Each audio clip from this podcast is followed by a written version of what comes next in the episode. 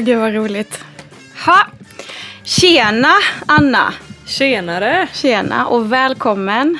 Ja, tack. Vi eh, sitter här i eh, Magnus Olssons studio. Jajamän. Omringade av en massa prylar och gitarrer och allt sånt. Vilket känns som en ganska schysst inramning. Ja, nej men det gör det. det. Det är väldigt imponerande när man kliver in här för det är liksom tapetserat med olika typer av Ibanez-gitarrer. Jag ser olika, ja jag vet inte hur mycket, det är ju mest Ibanez här inne då i rummet. faktiskt. Eh, och sen så har vi liksom en eh, pedestalvägg av pedaler, en jäkla massa overdrive-pedaler. Det är väldigt imponerande. Ja, ja det, det, men, det, men det är liksom, det, det passar sig ju ganska bra då med tanke på Ja. att vi ska prata om gitarrer. Ja men precis. Ja, det är Och musik. eh, ja, mäktig entré att få komma hit. Tack för att jag får vara här. Ja. Tack för att du vill komma, Anna Skogö. Och grejen är den att vi ska prata lite, eller vi ska prata ganska mycket tänker jag, om en massa olika saker. Men först och främst så tänkte jag att du skulle få berätta lite om dig och var du kommer ifrån, din bakgrund. Bandet Honeymoon Disease som det började i lite kan man väl säga. Ja, nej men det, det stämmer. Um, ni som lyssnar på det här avsnittet nu då uh, kanske inte känner till mig sedan tidigare, eller så gör ni det. Eh, mitt namn är då Anna Skogö och jag är en gitarrist ifrån Uppsala. Eh, och det man kan säga kort och gott är att eh, jag började min tidiga karriär genom att spela gitarr när jag var ungefär runt 12 år någonstans där, 12-13. Eh, jag kände att jag ville spela ett instrument men jag visste inte riktigt vad. Eh, mamma hade tvingat mig till att spela piano tidigare, det var inte riktigt min grej. Eh, och sen så sa min farsa då att ska du inte spela elgitarr? Så ganska snabbt kom jag in på det spåret. Eh, och eh, när jag gick på mina gitarrlektioner eh, så var det som en, eh, en hall där man fick sitta och vänta och där fanns det en liten anslagstavla. Okej. Eh, och på den tavlan så fanns det en liten lapp med en annan tjej som också heter Anna som sökte en spelkompis att spela med. Så där. Eh, för att hon ville också bli bättre på gitarr då. Då skrev hon det att hon gillade Black Sabbath, hon gillade eh, Budgie, hon gillade liksom såna här gamla 70-talsband då liksom. Eh, så jag skrev till henne och sen så blev vi bästa vänner eh, i väldigt tidig ålder där. Så det är där min, min bana började med att jag började spela gitarr och ganska tidigt då spela hårdrock. Inte bara lyssna utan spela också. För det måste ju ändå vara ganska ovanligt. För vi pratar, nu är vi på 90-tal va? Mm. Eh, och ändå liksom gilla den typen av musik när man är då i, vad var ni, 12? Ja, precis. Ja. Ja, men precis. Nej, men det, jag är född 88 då. Mm. Eh, och eh, jag kommer ifrån hårdrocksrötter i och med att min pappa spelar, eh, han spelar orgel då. Mm. Eh, bluesorgel, Hammondorgel, sån här riktig B3 Hammond liksom. Och vi har ju alltid lyssnat på mycket, mycket Rolling Stones med honom, alltid lyssnat mycket på den typen av honky tonk rock. Rod Stewart och mycket sådana där grejer som jag fortfarande älskar väldigt mycket idag. Eh, och morsan är lite mer åt hårdrockshållet kanske, men också mycket Stones och mycket Yardbirds och sådana där grejer liksom. Ehm, och jag ska väl inte säga att jag var utanför när jag var mindre. Men jag hade inte jättemånga lekkompisar. För att jag själv kanske är av en udda karaktär då lite grann. Eh, och jag hade inga kompisar i min ålder som gillade hårdrock eller som förstod liksom storheten med att kanske lyssna på Black Sabbath på sin kassettspelare på rasten. Liksom det, I alla fall inte då, 90, millennium någonstans där. Nej. Liksom, utan det var jag ganska ensam om. Ehm, så när jag hittade den här tjejen Anna då, så vi blev superbästisar. Liksom.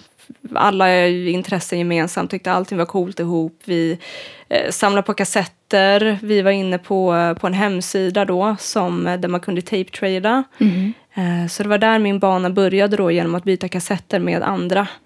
Eh, och mycket, mycket, mycket hårdrock då. Eh, och sen så i och med det umgänget så kom man i kontakt med andra likasinnade personer från andra skolor då. Vi hade inte så jättemånga hårdrockare på min skola. Eh, men det fanns några andra som gick på Bergsskolan i Uppsala och eh, ja, lite sådär. Och eh, då hittade jag kompisar som lyssnade mycket på Kiss. I och med att jag älskar också då Kiss så blev det naturligt att vi satt i ja, olika parker i Uppsala då och drack folköl och lyssnade på Kiss på bandan liksom. Eh, och då var vi runt 14-15 kanske då. Mm. Eh, så det var, det var där det började helt enkelt för mig. Och just det där liksom parkhänget, sitta och dricka folköl, man samlas runt kassettband och det är det som är det viktigaste. Det lever ju fortfarande kvar i mig. Eh, Det är någonting som jag fortfarande gör liksom, och tycker att det är, det är väldigt fint. Eh, Att det är så, det är ett sätt att umgås liksom, kring musiken. Och sen behöver man inte prata politik eller man behöver liksom inte prata så himla mycket utan man kan ha musik gemensamt och det tycker jag är väldigt fint. Det är väldigt, väldigt fint. Eh, Så det var där det började och sen i och med att vi drack folköl i parken och sådär då så träffade jag eh, andra kompisar som lyssnade kanske på eh, Slayer, lite sådana där grejer. Mm. Eh, startade mitt första band som hette Blizzard. Eh, vi spelade Black Sabbath covers i en kyrka. Åh, Eh, ja, det var coolt. mäktigt tyckte vi då. Eh, Inredningen var inte så cool, men, eh, men det kändes mäktigt i alla fall. Ljudet och så, var den Ja. sån liksom högt i tak och sten? Ja, Och... vi fick hålla till i källaren då, där Ah, vi inte okej. hörde så mycket. Och jag spelade på en PV Bandit 112 eh, kombostärkare, för det var bara det man skulle spela på, liksom så här dödsmetallstärken då. Liksom. Eh, nu kunde inte jag spela dödsmetall, men man uh, spelar ju ändå Sabbath-covers och sådär då. Mm. Eh, Så det, det var där det började liksom och jag fick upp ett intresse för att umgås genom band. Och inte bara liksom sitta hemma och lyssna utan faktiskt liksom göra någonting med det tillsammans med andra. Eh, och sen dess har det varit mitt, eh, mitt liv kan man säga. Det är så jag har träffat nya kompisar och umgåtts. Eh, och sen när man blev lite äldre, där tonåren, så hängde jag mycket med eh, några killar som eh, startat band som heter Random Raiders. Som sen blev In Solitude. Som eh, säkert många känner till kanske då, inom heavy metal och så. Det gick väldigt bra för dem. Ehm, ett annat band som, eh, som heter Dajal. Som jag inte vet ifall många känner till, men det är inom dödsmetallscenen och sådär. Ehm, de spelar idag, eh, några medlemmar där med Watain. eh, och turnerar med dem. Och när vi var runt eh, 16 kanske, när vi satt i Engelska parken i Uppsala, så kom ju Watain dit. Och då var ju de också yngre. Då var ju de precis som oss Okej. innan de hade breakat. Liksom. Då satt vi där och bytte kassetter och drack bärs. Liksom, och kan ha varit någon som kanske hade med sig en Bathory-kassett. Liksom, sådär, liksom. Och det var det ju coolaste man hade hört. Shit. Det lät ju som att någon bara skakade om en brödrost. Liksom, så här, lät rått liksom. Ja, för det var ju, då, men det var ju verkligen nytt då ju. Alltså det, det, det, ingenting lät så. Nej, och när man tänker tillbaka på det, liksom så här, då är vi ju då millennium eh, lite mer liksom 2000, vad kan det ha varit? Två, inte vet jag. Sak samma. Um, det var ju liksom inte black metal-scenen heller direkt levande. Man brukar prata om att black metal-scenen fick ett Matrix-virus där runt millennium där alla typ rakade av sig håret och hade en så här spikigt hår och lädergrej. Väldigt Matrix-skit alltihopa liksom. Så det, det blev på något sätt som att vi hade vår egen, eh, inte kult, men det blev liksom vårt egna häng med våra egna regler och ganska hårt klimat kanske till och från. Eh, vad som är rätt, vad som inte är rätt liksom. Och, eh, där utvecklar väl jag kanske mitt, mitt sinne för, för metal och verkligen odla det intresset. Eh, och det är det som jag har sysslat med sedan hela mitt liv. Jag jobbar ju med, med metal, med metall, Just det. som, som svetsare och Just jag spelar i band då. Ja. Ja. Så, så är det. Det är ju fruktansvärt häftigt ändå. Alltså liksom att metal går igenom både, alltså nu när du säger det, liksom att det, blir, det är både så fysiskt faktiskt ta på och även så musik liksom. Ja, men jag tror det handlar mycket om det här liksom, att när man, när man är ung så, man har ett så starkt intresse och just hårdrocken, där kan man liksom göra sina egna fanzines, man kan skapa sina egna kläder och man kan bygga saker till scener och man kan göra så mycket med det. Det blir som en hel fantasi utöver det hela. Liksom, man kan skapa en helt annan värld. Och det är det som jag tycker är mäktigt. För det finns ju inga mer trogna fans än metal och hårdrock-fans. Liksom. Alltså det är ju faktiskt väldigt speciellt. Mm. Ehm, Ja, nej men så, så är det ju och det tycker jag är väldigt fint. Liksom. Och går man på en, på en Mayday-konsert typ på, på Ullevi, liksom, det finns ingen finare gemenskap. Alltså det, Möjligtvis ifall man går på någon fotbollsmatch då ifall man är jättefotbollsfan. Men Fast där blir det ju alltid någon sorts, alltså där, där ligger det ju i sin natur att man har motsättningar redan till Ja. att börja med eftersom man ju är man är två. på mots... Ja. ja precis. Medan här går man ju in för en gemensam sak. Ja, Som ju liksom, så att man drivs åt samma håll på något sätt. ja.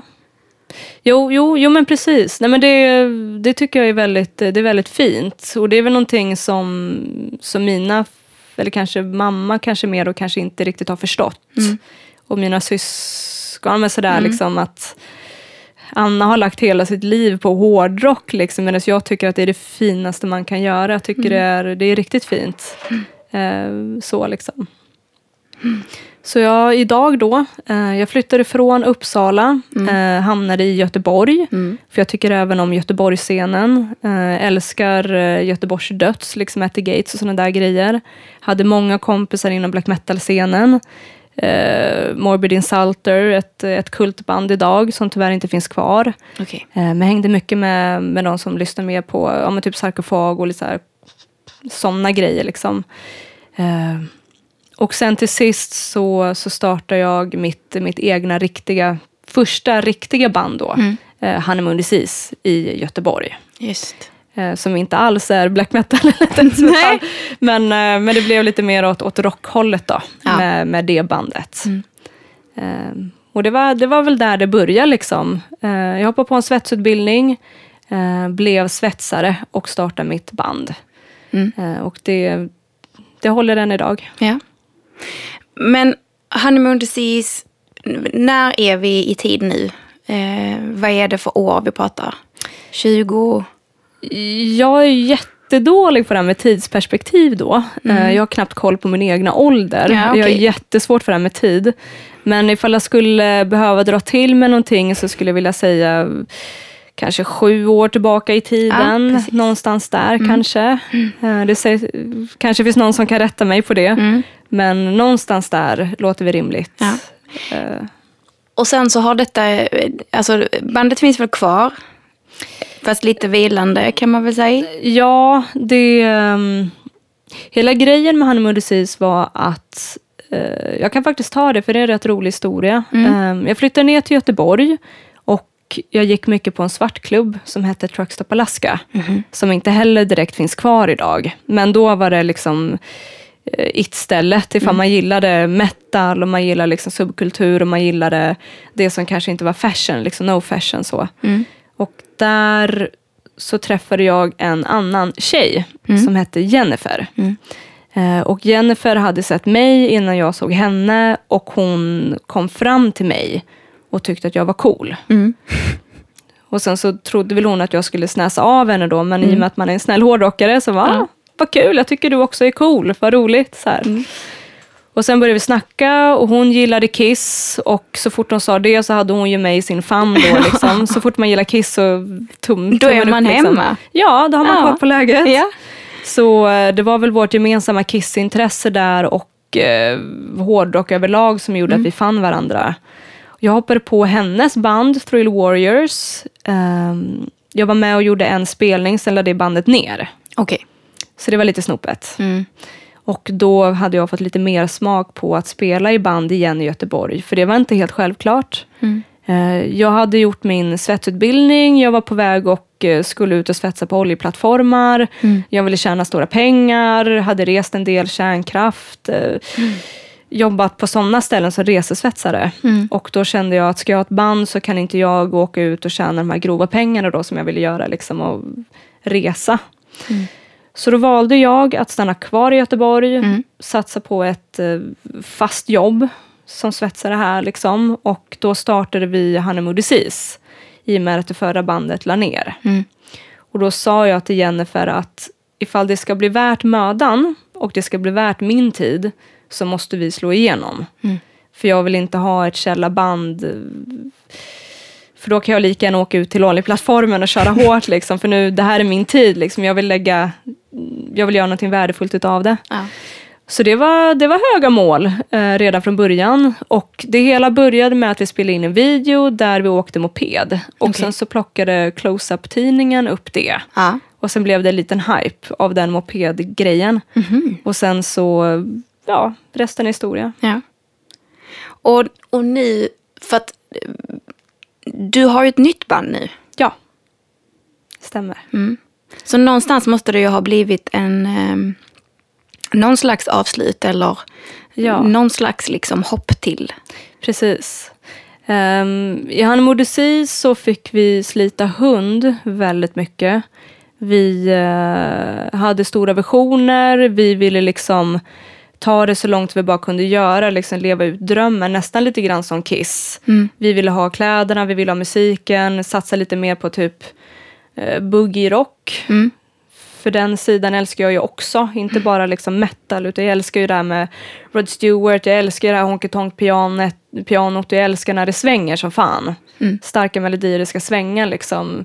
Typ Doobie Brothers är också en stor influens för mig då liksom. Ehm, och då blev vi signade till Napalm Records ganska rätt på. Och det berodde på att jag skrev till dem. Trummisen hade en kontakt in på Napalm och sen så skrev jag till dem och sa det liksom, tjena, eh, vi kommer slå stort som fan, så ni borde ju signa oss. Och det tyckte de då. Så vi var en av de banden som hade tur. Så då hoppade vi på det tåget. Ehm, vi kunde liksom inte ehm, hålla uppe det, kraven som de ställde. Eh, De tyckte att vi skulle sälja mer. Vi sålde skitbra, men vi skulle sälja mer och vi skulle se ut mer på ett sätt. Och eh, Jag fick några glidtacklingar om eh, hur jag såg ut och det var liksom de hade helt andra förväntningar på oss som vi inte var redo. Då var jag, vad fan var jag? Då var jag kanske 24, 25. Då är det nog mer år tillbaka i tiden, sak samma. Jag var ung i alla fall, yngre. Ehm, så vi avbröt det kontraktet och sen gick vi vidare till Sign, ett annat stort skivbolag och fick slita hundar också. Eh, det blev dispyter om ekonomi, eh, vi ställdes mot varandra, vi var inte överens i bandet. Och det slutade med att eh, vi, vi kunde inte hålla ihop det. Nej. Så det berodde inte på att vi inte ville spela, utan det berodde på att vi, blev, vi ställdes mot varandra helt enkelt. Var det skivbolaget som ställde er mot varandra på något sätt? jag har väl valt att inte uttala mig Nej, om, om det. Liksom. Men det enda jag kan säga om just om Hannemodi sagan är att eh, de var ju mina bästa vänner. Mm. Och på grund av andras intressen så blev det väldigt starka inre konflikter. Mm. Som gjorde att eh, vi kunde inte hålla ihop det. Nej. Helt enkelt. Så eh, det är väl tyvärr så många band splittras också. Uh, ifall man inte har en, en, en manager som lyckas liksom skydda en mot yttre krafter, liksom, alltså skivbolag som har eh, ekonomiska intressen och som kanske spelar ut varandra. Och Det är ju inte lätt alltid. Liksom. Nej. Men kan ni titta på det idag då liksom genom tidens ögon och se alltså, att ni har en annan liksom, relation nu då? Mm. Eh, jo, nej men det, det tycker jag för min del i alla fall. Liksom, tittar jag tillbaka på, på Hannem Disease så eh, det är ju liksom ett bevis på att tror man på sig själv, inte helt utan självinsikt, utan man bara vågar tro på det. Och lyssna liksom inte på att andra säger så där kan du inte göra. Så där kan inte du se ut, du kan inte spela så, varför ska du spela? Va? Vågar man liksom stänga ute det och vara inne i sin egen bubbla, liksom, då, då kan man gå långt. Men det gäller att man lyckas bibehålla den bubblan och man lyckas liksom ha de där vännerna som, som inte jag säger utan som faktiskt säger sanningen. De ska man vara rädd om. För sen slutar det med att man sitter i ett rum med folk som har ekonomiska intressen i en, som kanske ger en råd som bara stjälper en. Ja, de, har liksom ett, de, de ser inte att du, alltså dig som människa, utan de ser liksom potentialen av vad du kan ge dem. Nej men så är det ju. Alltså gör man en turné så är det ju med folk som, som lever på ens turné. Så är det ju liksom och köper man merch inom till exempel ett skivbolag så har ju de pengaintresse i det. Så ju mer man samarbetar med andra personer som tjänar pengar på en så måste man kunna leverera på ett visst sätt. Och vi, vi klarade helt enkelt inte av att hålla ihop det. Och vi blev eh, väldigt ovänner tyvärr. Men när jag tittar tillbaka på Honeymoon så tänker jag att vill man så kan man. Mm. Och det är ju också alltså det är en lärdom att Ja. ta med. Men då får vi ju faktiskt vända blad nu. Ehm, och prata lite om det här nya bandet då som du Ja. har. Nej men absolut. Acids Trip. Ja. Um, Asis Trip kom till innan eh, vi uh, la ner Honeymoon. Fast Ja. vi officiellt gick aldrig ut med att vi har lagt ner. Eh, sådär liksom. Men innan det brakade loss där så kände jag att jag ville göra någonting annat. Jag ville gå mer på musiken. Jag tyckte det var roligare att skapa lite andra grejer. Jag ville ha snabbare riff. Jag ville ha mer metal-influenser. Även fast jag ville behålla boogie-tempot. Ehm, så då startade jag i mitt huvud ett band som hette Asis Trip. Ja. Och inspirationen från det namnet Ja. kommer ifrån Kiss. Okej.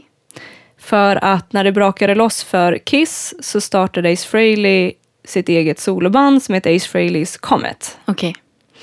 Och då tänkte jag att vad hade Ace gjort? Jo, han hade startat sitt egna band.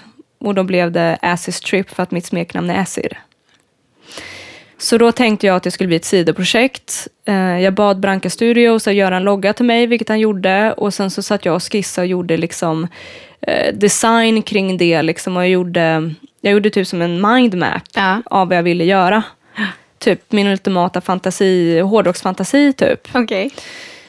Så gjorde jag ett avsnitt med Rockpodden, som också är ett annat eh, eh, poddprogram då. Eh, där jag hade startat det här i min tanke. Mm. Och det enda jag hade att visa för det var ett klistermärke. Ett klistermärke. Alltså, det är ju fantastiskt. Ja, det är samma klistermärke Ja, som, band. eh, ja, som jag gav till dig. Det är samma. Eh, här är mitt Jätte- band. Väldigt coolt klistermärke får jag ändå säga. Så att jag, jag, jag, jag följer direkt. Man, man måste börja någonstans. Ja. Liksom. Jag tror att många som, som skulle vilja kliva ut, de fastnar kanske i, i att det måste bli perfekt, man måste finslipa det för att annars kommer man få så mycket kriti- kritik och man måste liksom men det kommer man få i vilket fall. Det spelar ingen roll hur duktig man än är. Är man för duktig så får man kritik för det. Men nu hade du ditt klistermärke, du hade varit med i Rockpodden. Men nu behövde du nog också lite folk, tänker jag. Precis, ja men precis. Så eh, vi, kan, vi kan snabbspola lite grann där då. Men, men jag sökte i alla fall bandmedlemmar då och jag kände att jag precis kommit ut ett långt förhållande. Jag visste inte hur man spelade med andra personer. Det är som att börja dejta igen. Eller hur? Fast man måste göra det med många fler än bara en. Mm. Så jag fick kontakt med en kille som heter Rickard som älskar Kiss. Eh, jätteduktig trummis, spelar precis som Peter Criss fast eh, väldigt mycket bättre teknik. Eh, så vi sågs i repan, vi drog igenom lite Hellacopters eh, covers och det blev kärlek Åh, i bandet.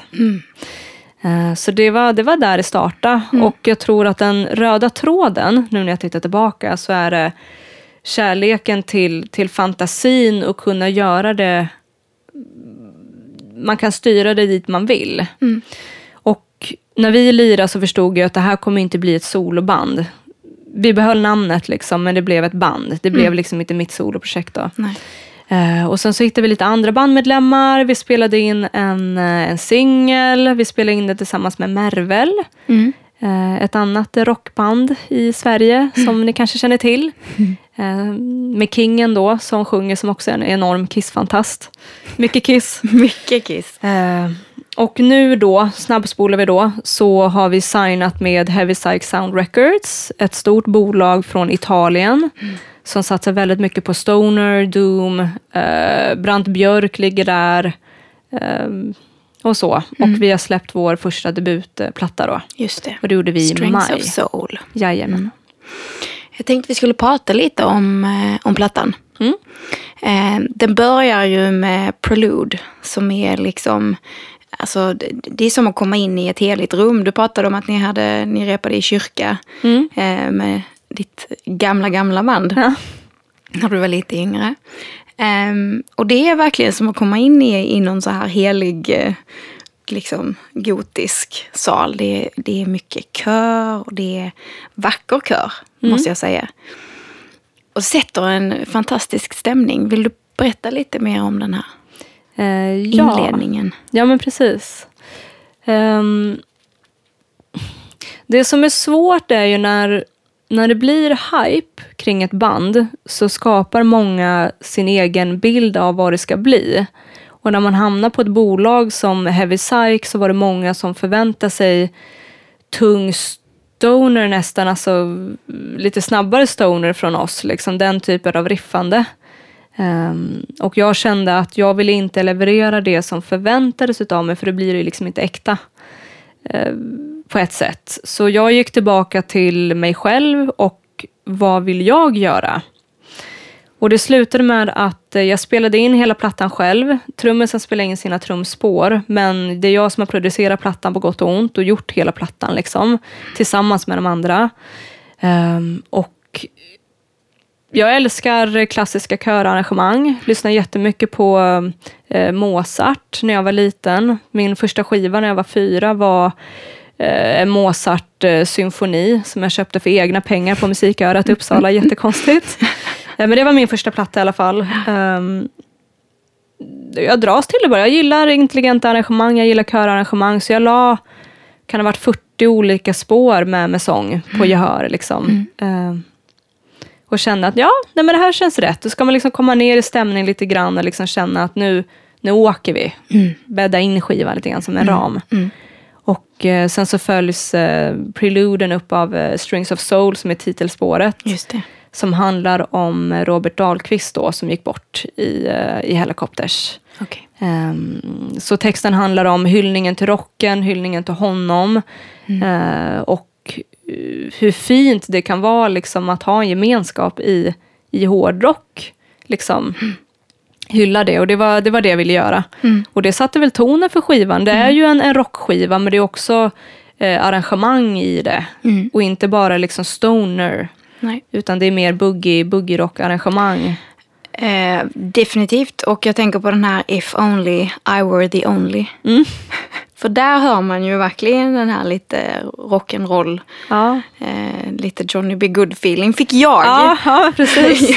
Men eh, och sen har vi också den fantastiska Delusions of Grandeur. Mm. Med det här fruktansvärt snygga sololjudet som du har. Ja, tack, tack. Rent. Tack. Väldigt. Också uh. inte så karaktäristiskt för, Nej. kan jag tänka mig, för Nej, den här precis. typen av eh, liksom ändå... Precis. Jag tror att i Delusion of Grandeur så delar jag och eh, den andra gitarristen Mike på solopartierna mm. där. Um, så det är nog två solon ifall jag minns det rätt.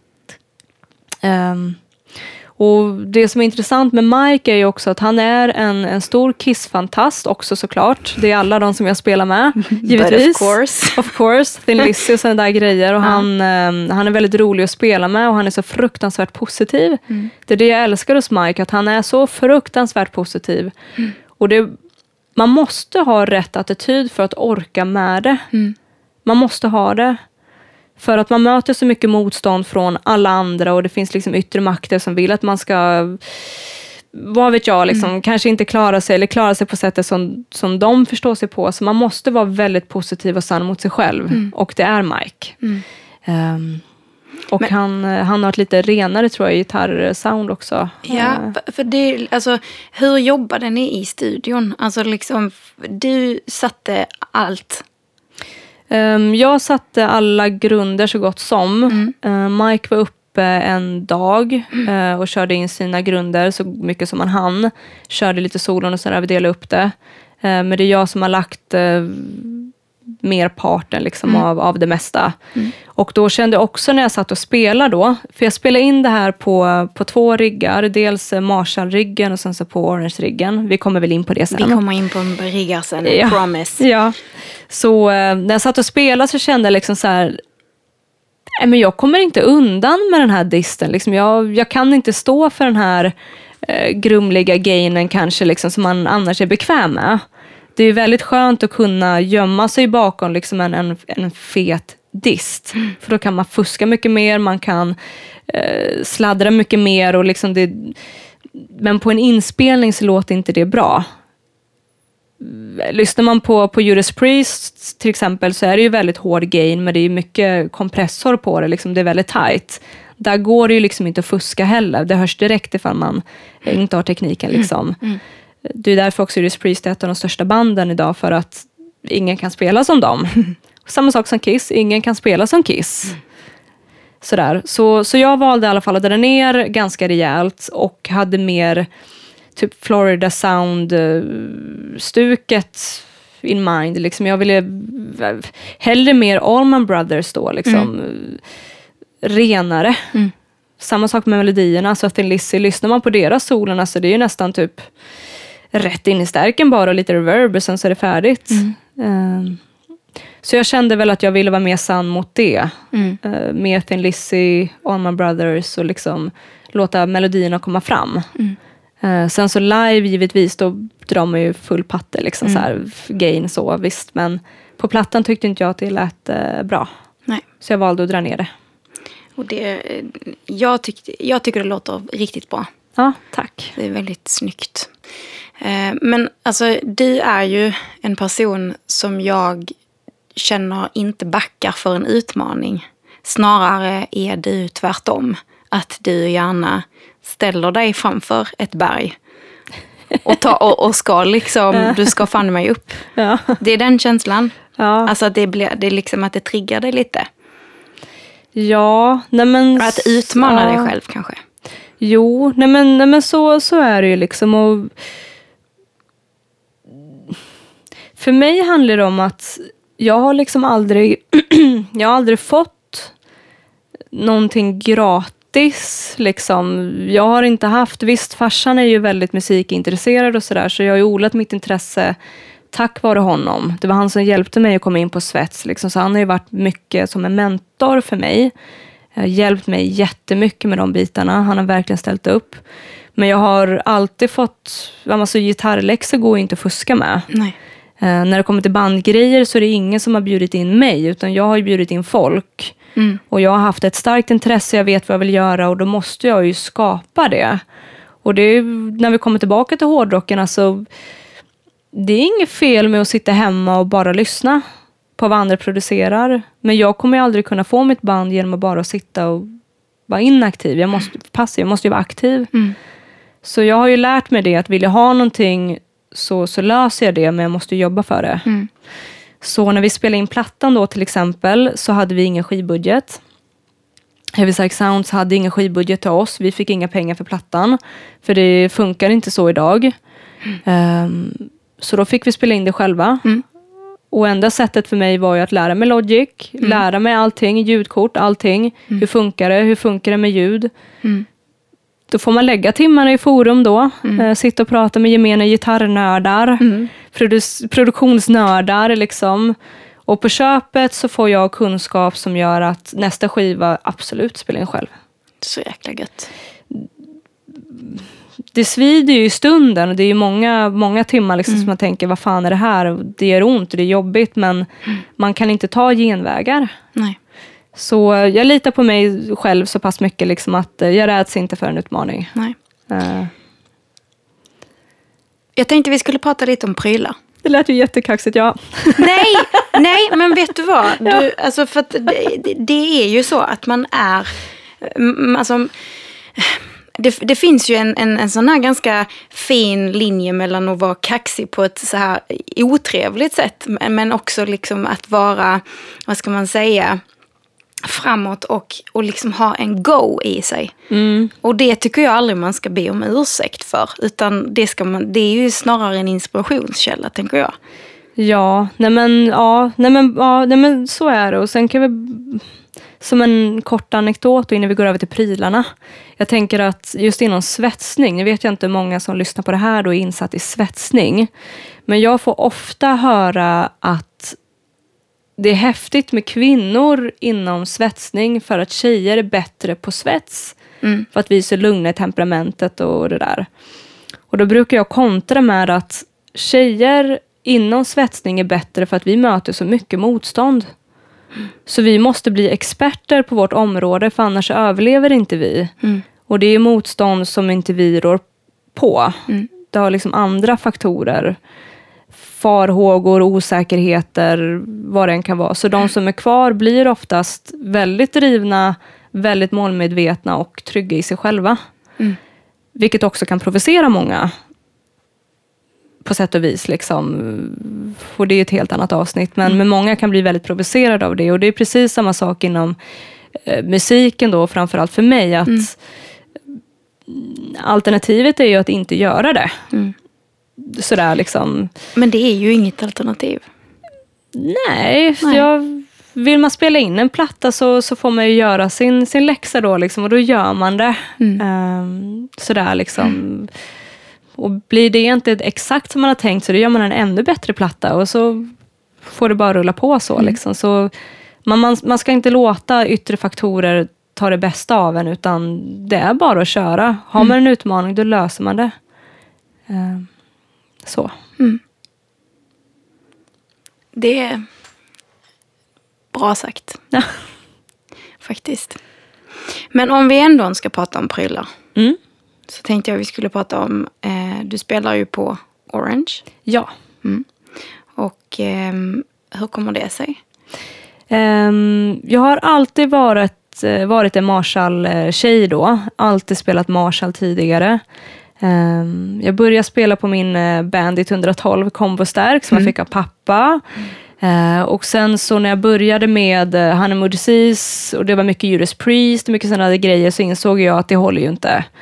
Så då köpte jag en svinfet Marshall-rygg utav Manne i Deadheads. Mm. Han sålde sin. Och det är en JMP eh, en 2204. Eh, klassiska eh, 34 elrör i 50 watt eh, och den låter skitbra. Ingen effektloop, den är från 6 eh, oktober 1982, tror jag det står till och med, på en lapp på baksidan. Sak samma från 82 är den. Mm. Den låter fenomenalt. Eh, och jag fick även en låda då, en eh, JCM 800-låda, en rak låda, eh, som jag köpte då. Mm. Ehm, och den har jag alltid haft och spelat med. Liksom. Uh, och den låter skitbra. Den är moddad utav Jesper Karlsson, som är en professor inom uh, ja, allt med förstärkare och allting som har elektronik egentligen. Det är en filur som sitter i Mölndal och uh, hjälper alla rockers med deras stärkare. Liksom. Är det något slutsteg som har gått så ringer man Jesper och så skickar man dit och så hjälper den en. Shit. Låter som en sån legendar. Ja, men Jesper Karlsson är, han är fin. Ja. Han är riktigt fin. Sök upp honom ifall ni inte har gjort det. Mm. Han är grym. Mm. Så han satte i en, eh, en master eh, åt mig ja. på, på Marshall-toppen som inte fanns sedan tidigare, för jag har ingen master där. Eh, och det är en PPIM V-ratt. Så ni gitarrnördar där ute vet ju vad jag pratar om. Och det handlar om att istället för att konka runt på en stor eh, Tube Doctor, alltså en, en, stor låda som sänker volymen på scen, så har man liksom det som en liten ratt bara i, i stärken. Mm. Så då kan jag liksom bara sänka volymen utan att kompromissa med ljudet. Och när jag spelar på min Marshall-stärk så måste man ha full patte mm. för att det ska låta bra mm. i mina öron. Och man måste mm. spela jävligt högt. Mm. Så, så det har jag alltid kört på. Och när vi blev signade till, eh, till Heavy Psych och jag startade mitt nya band och så vidare så ville jag ha någonting nytt. Jag ville bryta mönster, jag ville spela med någonting annat. Jag ville ha en utmaning, jag ville ändra mitt sound och jag ville liksom se vad finns det för någonting annat. Och våga utmana mig själv då. Så jag kontaktade Orange mm. eh, och fick kontakt med en eh, scout där och det slutade med att vi fick ett erbjudande om att bli eh, artister för dem då, mm. vilket är skitcoolt. Så vi åkte till eh, Fitzpatrick i Stockholm. Mm. Vi kom dit, där hade de olika stärkare så vi skulle få testa och det slutade med att jag åkte hem med en Custom Shop 50. Mm den låter så fenomenalt bra. Mm. Det är snuskigt vad den låter bra. Ska man jämföra den med Marshallen, vilket man inte får göra riktigt, så kan man säga det att det låter brittiskt, det är 34 eh, elrör också i den toppen. Men, ehm, och det är såklart full mid, liksom. det låter skitbra, mycket mid. Men den låter mer direkt. Den är fylligare och det passar mitt sound idag bättre jag har behållit min Marshall-stärk, eh, borde spela oftare på den än vad jag gör. Men eh, den toppen låter så fruktansvärt bra, mm. Custom Shop 50. Mm. Så den, den kan jag rekommendera alla som vill ha ett mer vintage-ljud och som vill ha liksom mycket, mycket brittisk mid. Eh, inte det där tunga orange utan lite mer öpp, öppnare och ett mer direkt ljud. Det passar mig skitbra. Mm. Sen har jag en, eh, vad heter den? PPC eh, 212 eh, vinklad låda. Mm. Eh, ja, 412. Och sen gitarren då. Eh, gitarren är densamma. Mm. Eh, alltid spelar på mitt V, Gibson V. Eh, Corina, skitfint V. Mm. Och där tog jag ut mina originalmickar och satt i DiMarzio Mm. eh, 70-talsmickar PF. Eh, ja. För det, är en lite kul historia. Jag har ju träffat dig förut Mm. och vi har suttit och snackat lite. Ehm, och då berättade du ju om de här eh, Dimansio-mickarna, hur de hamnade i din gitarr istället för Ja. i en låda Ja. låg i. Precis, nej, men det, det stämmer. Ehm, jag hade mina originalmickar i, eh, i gitarren länge. Eh, och sen så träffade jag den här killen då. Som jag nu bor ihop med och vi har ett hus och vi ska gifta oss och hela den grejen. Åh. Men när han var nyinflyttad så flyttade han in i min lägenhet i Majerna i Göteborg. Och så rotade jag i hans lådor. Eh, för han hade ett stort kabinett eller stor eh, byrå. Liksom. Och då när jag river ut en låda så ligger det liksom så här Ja, med strängar och det var lite grejer och det var bös. Och sen låg det då originalmickar DiMarzio 70-tal, handgjorda liksom. Eh, Och jag blev så jävla sur. Vad fan har du här i lådan? Vad, vad fan har du i lådan? Varför har du inte sagt? Varför spelar du inte på de här mickarna? Nej. Jag blev skitsur. Och då ville han hellre ha då EMG-mickar, för han spelar ju black metal då. Ja. Så han sa att eh, nej, de använder inte jag. Vill du ha dem? Så är det då. Jajamän. Eh, så sagt och gjort. Vi eh, ledde om gitarren, stoppade in DiMarzio-mickarna i gitarren för att det ska låta mer Ace. Såklart, Ace Frehley. Såklart. Såklart. De körde på, på de mickarna original. Eh, men det roliga med de mickarna, eller det lite jobbiga kanske också, är att de är ju individer. Mm. Precis som en Tube Screamer är individer. Så de kan låta lite si och lite så. och Det beror på hur man har lindat om linningen. Vad är det för typ av material och, och så vidare. Så det, de lever sin egna liv. Men mina mickar låter svinbra. Skitbra verkligen. Gött. Så, så det är det jag kör med. Sen har jag lite andra gitarrer sådär. Liksom jag har en Schecter hemma. Och, eh, det är inget fel med dem, men det är mer som en Les Paul i, i kroppen. Och det passar inte riktigt mig. Mm. Eh, Jag brukar ta fram den när vi spelar på Motorhead-kvällarna på Sticky Fingers. De har ju såna här coverkvällar då vid, vid jul där. Ehm, så då brukar jag ta fram den då och köra, bara för att spice upp det. Mm. Sen har jag en Bernie-kopia också, en SG Mm. Bernie, som låter fan. Men den är svincool. Ja. Satte på ett eh, Vibrola-stall på den för att det skulle se mer metal ut. Fick specialbeställa ifrån Frankrike för det fanns ingen som passade den Bernie-modellen. Ehm, för att storleken är ju fel, för det är liksom en, en kopia. Liksom. Så jag var tvungen att specialbeställa Vibrola som jag satte på uh, for show. Liksom. Mm. Så det är min backup-gitarr ifall alla andra skulle gå sönder. Eh, och så. Men eh, ja, så många, många gitarrer har det blivit och många stärkare och många pedaler. Just det, pedaler. Ehm, jag vet ju att du har med dig en liten gottepåse. Ja, det stämmer. Du har med en liten gottepåse med, med fem stycken Ja, pedaler som betyder någonting för dig. ska jag ta fram dem? Jag tänkte vi kör, en, vi kör Annas lista nu. Annas topp fem. Ja, nej men absolut. Ska vi se. Ehm, I knät här nu då så sitter jag med en eh, påse från uh, Knastret, en Ja. skivbutik i, eh, i Karlstad. Karlstad. Jajamän. Och här i då så tog jag faktiskt med lite pedaler. Ja, För jag tänkte att vi kan ju prata om eh, mitt liv då i pedaler. det, alltså, det är grymt. Ja. Ska vi se, då tar vi upp första pedalen här då. Då har vi en getinggul eh, Boss-pedal, en Turbo Overdrive OD2. Eh, det är en eh, Japan-pedal. Eh, Och vad ska man säga om den då? Alltså det, det var min första overdrive-pedal. Eh, den körde jag i, eh, i kyrkan då när vi körde Black Sabbath-covers med min Bandit 112. Eh, jag behövde inte mer dist, men det tyckte jag att jag behövde då, så då var det liksom lite extra, så drog man på den här. Det lät som en arg geting bara liksom, full patte. Eh, och då hade ju inte jag så mycket finess då med mitt lir, utan det var ju mest, jag var ju glad ifall det blev någonting bara. Eh, så det var liksom max på driven, eh, upp med level för det skulle låta som fan, sen turbo on. Så det här är min första liksom, riktiga pedal. Och jag tror att jag köpte den från Tradera eller hur det var. Liksom. Ja, för att det skulle vara. Liksom. Vad är metal? Jo, men det här är heavy metal. Så när jag ser den här getinggula pedalen som står hemma i bokhyllan så tänker jag på liksom, ja, men begynnelsen av hårdrock liksom, och min resa då var runt 13, 14 någonstans där. Bara att leva för hårdrock. Då tänker jag på den här pedalen. Så den kommer hamna på mitt museum. Åh. Så den har vi här då. Eh, kan lägga undan den, tack.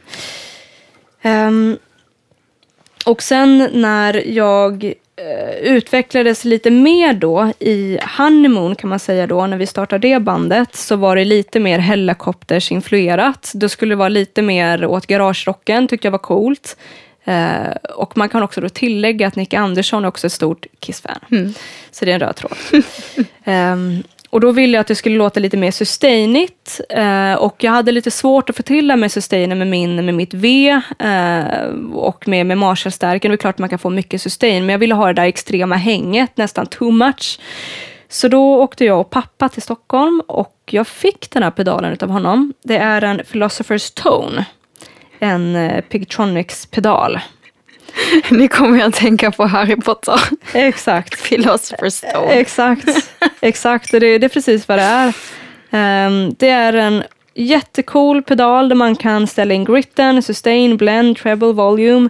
Eh, och tanken med den här pedalen är liksom att det ska bli mycket häng och mycket liksom sådär.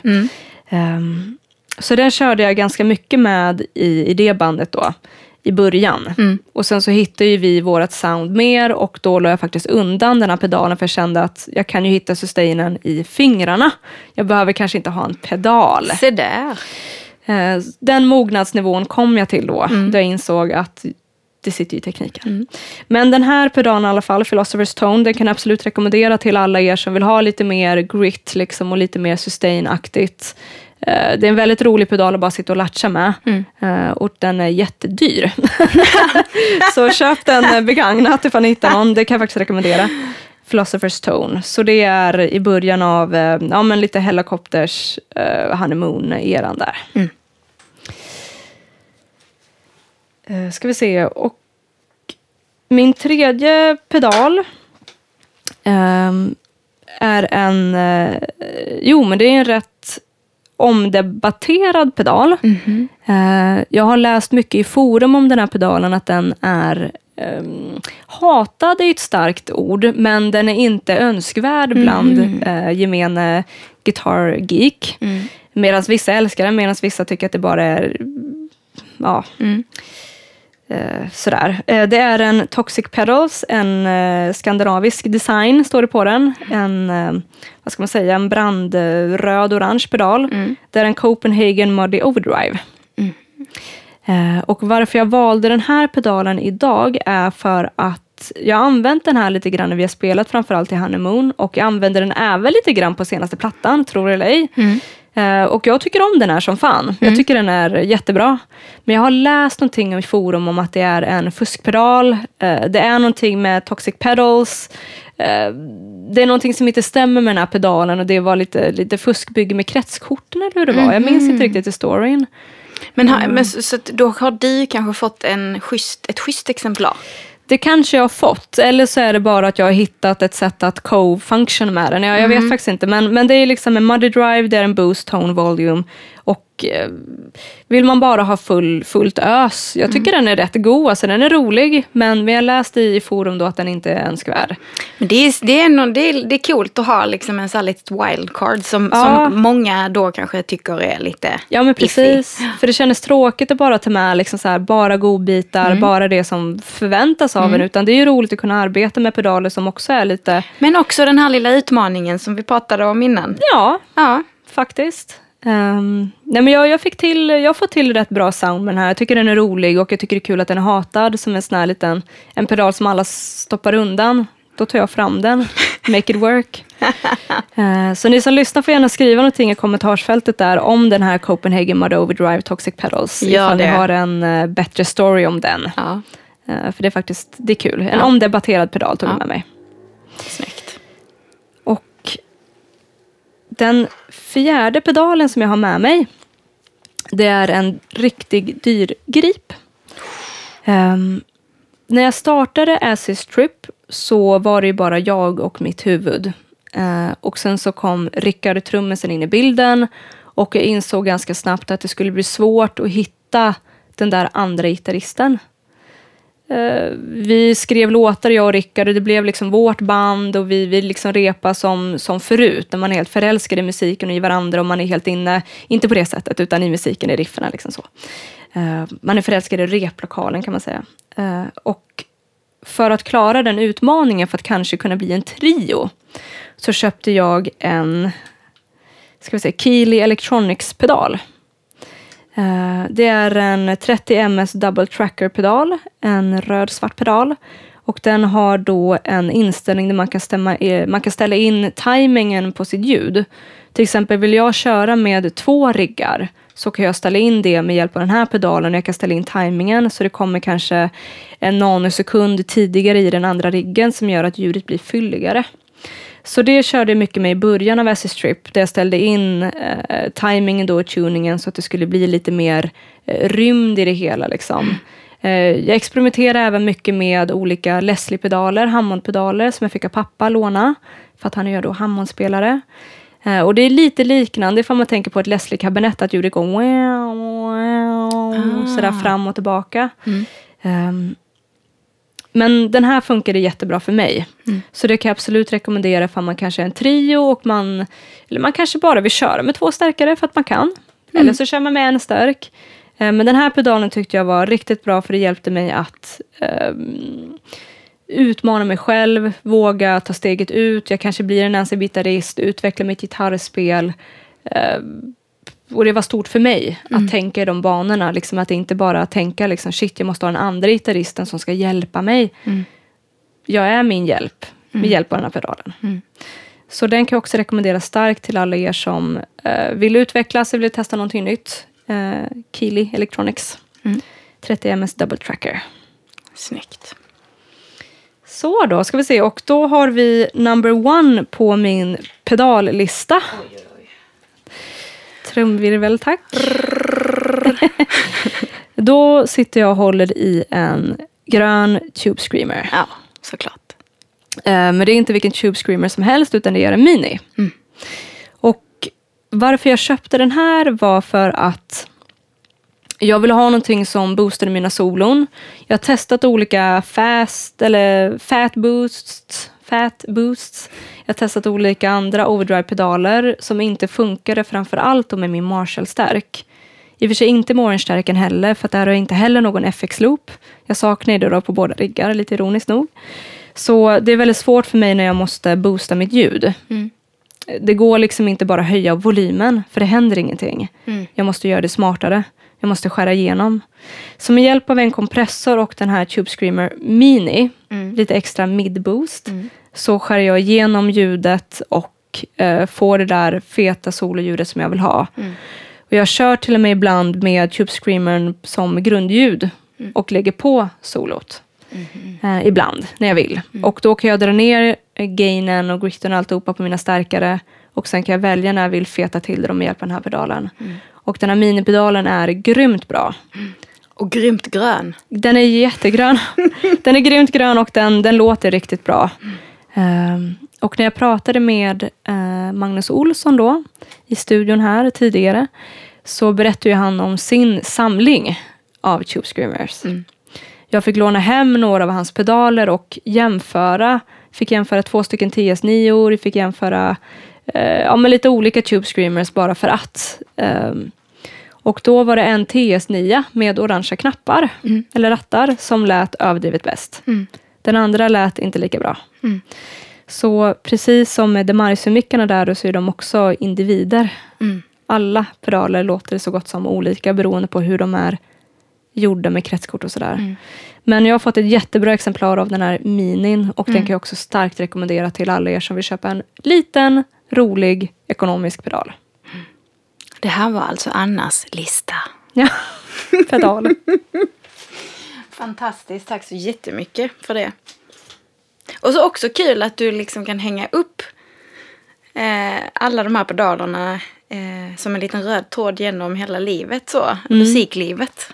Ja, nej, men så är det ju liksom. Man tänker, på, tänker man på mognadsgrader och man tänker på liksom hur man utvecklas så kan man se det tillbaka. Dels i, i musiken och i pedaler liksom. Och mer och mer så behöver jag bli den där Gubbe är det väl svårt för mig att bli, men kanske en gubbkärring då, liksom, där jag inser att man behöver liksom inte ha all den här disten, man behöver inte ha alla de här pedalerna för att Gubbkärring, det är Ja. patent pending Ja, på den alltså. Den, den, får du, den får du claima. Ja, precis. Gubbkärring.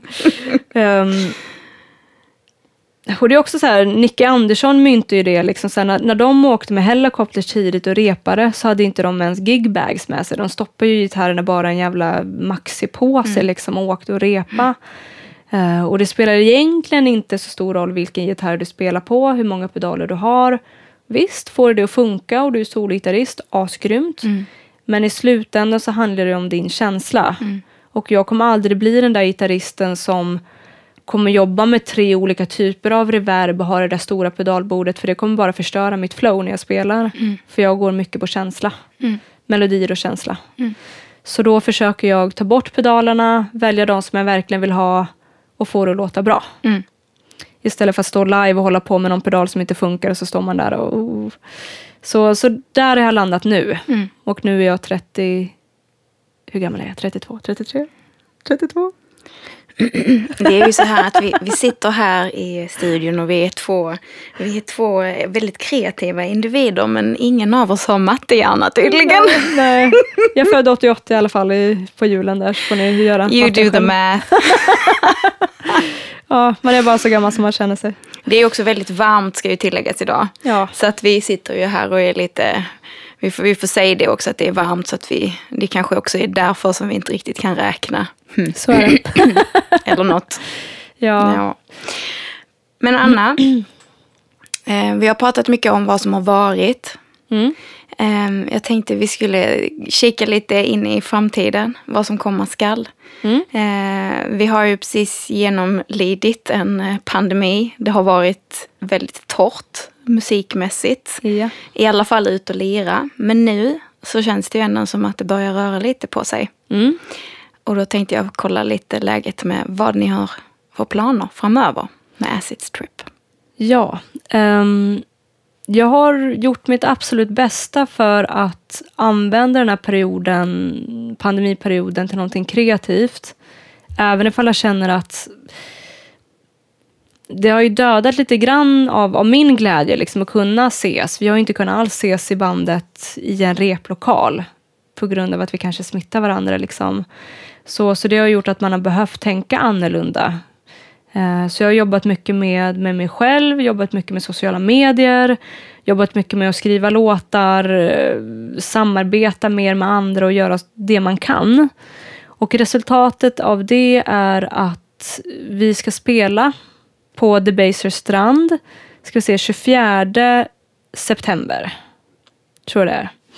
Eh, Så ifall han har vägarna förbi så eh, förhoppningsvis blir giget av. Eh, Peppar peppar. Och då skulle vi spela med Second Sun och Freedom ifall jag minns det rätt. Däremot så har det giget inte gått ut så ehm, ja, vi får se ifall det blir av helt enkelt. Mm. hoppas inte att jag får skit nu för att jag sa det här helt enkelt. Det är av all välvilja. Ja, och det är väl också lite så här att i dessa tider så är det svårt att veta om någonting faktiskt blir av eller inte. Och jag tror att människor har fått större förståelse för det. Ja, Nej, men det, det hoppas jag verkligen. Så, så hör ni ingenting om det så beror det på att det kunde inte bli av. Men mm. hör ni någonting om det så tycker jag absolut ni ska gå dit. Mm. Det kommer bli en fet afton. Eh, och vi kommer ha en gästbasist med oss då, Majsan ifrån Thundermother. Coolt. Kommer med att spela för vår andra basist är eh, ute och reser i världen då med sitt eh, jobb. Så eh, hon kommer vara med oss den kvällen. Och utöver det, just nu så har vi en annan stor festival eh, som jag inte får yppa just nu. Men den festivalen sker i Belgien i oktober och det är en stor festival som eh, har lite grann med öken att göra. Och det är det enda jag kan säga. Men det är en skitfet spelning och det är jättestort för oss.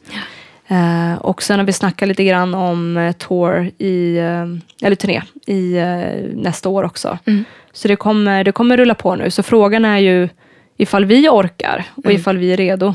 Mm. Uh, men jag kommer göra mitt yttersta för att det ska funka bra. Liksom. Så nu, nu rullar det på. Mm. Men eh, Anna, jag säger lycka till med er resa. Tack så hemskt mycket. Och tack snälla du för att uh, du tog dig tid att komma hit och prata. Ja, tusen tusen tack. Hoppas det blir ett bra avsnitt nu då. Det blir det.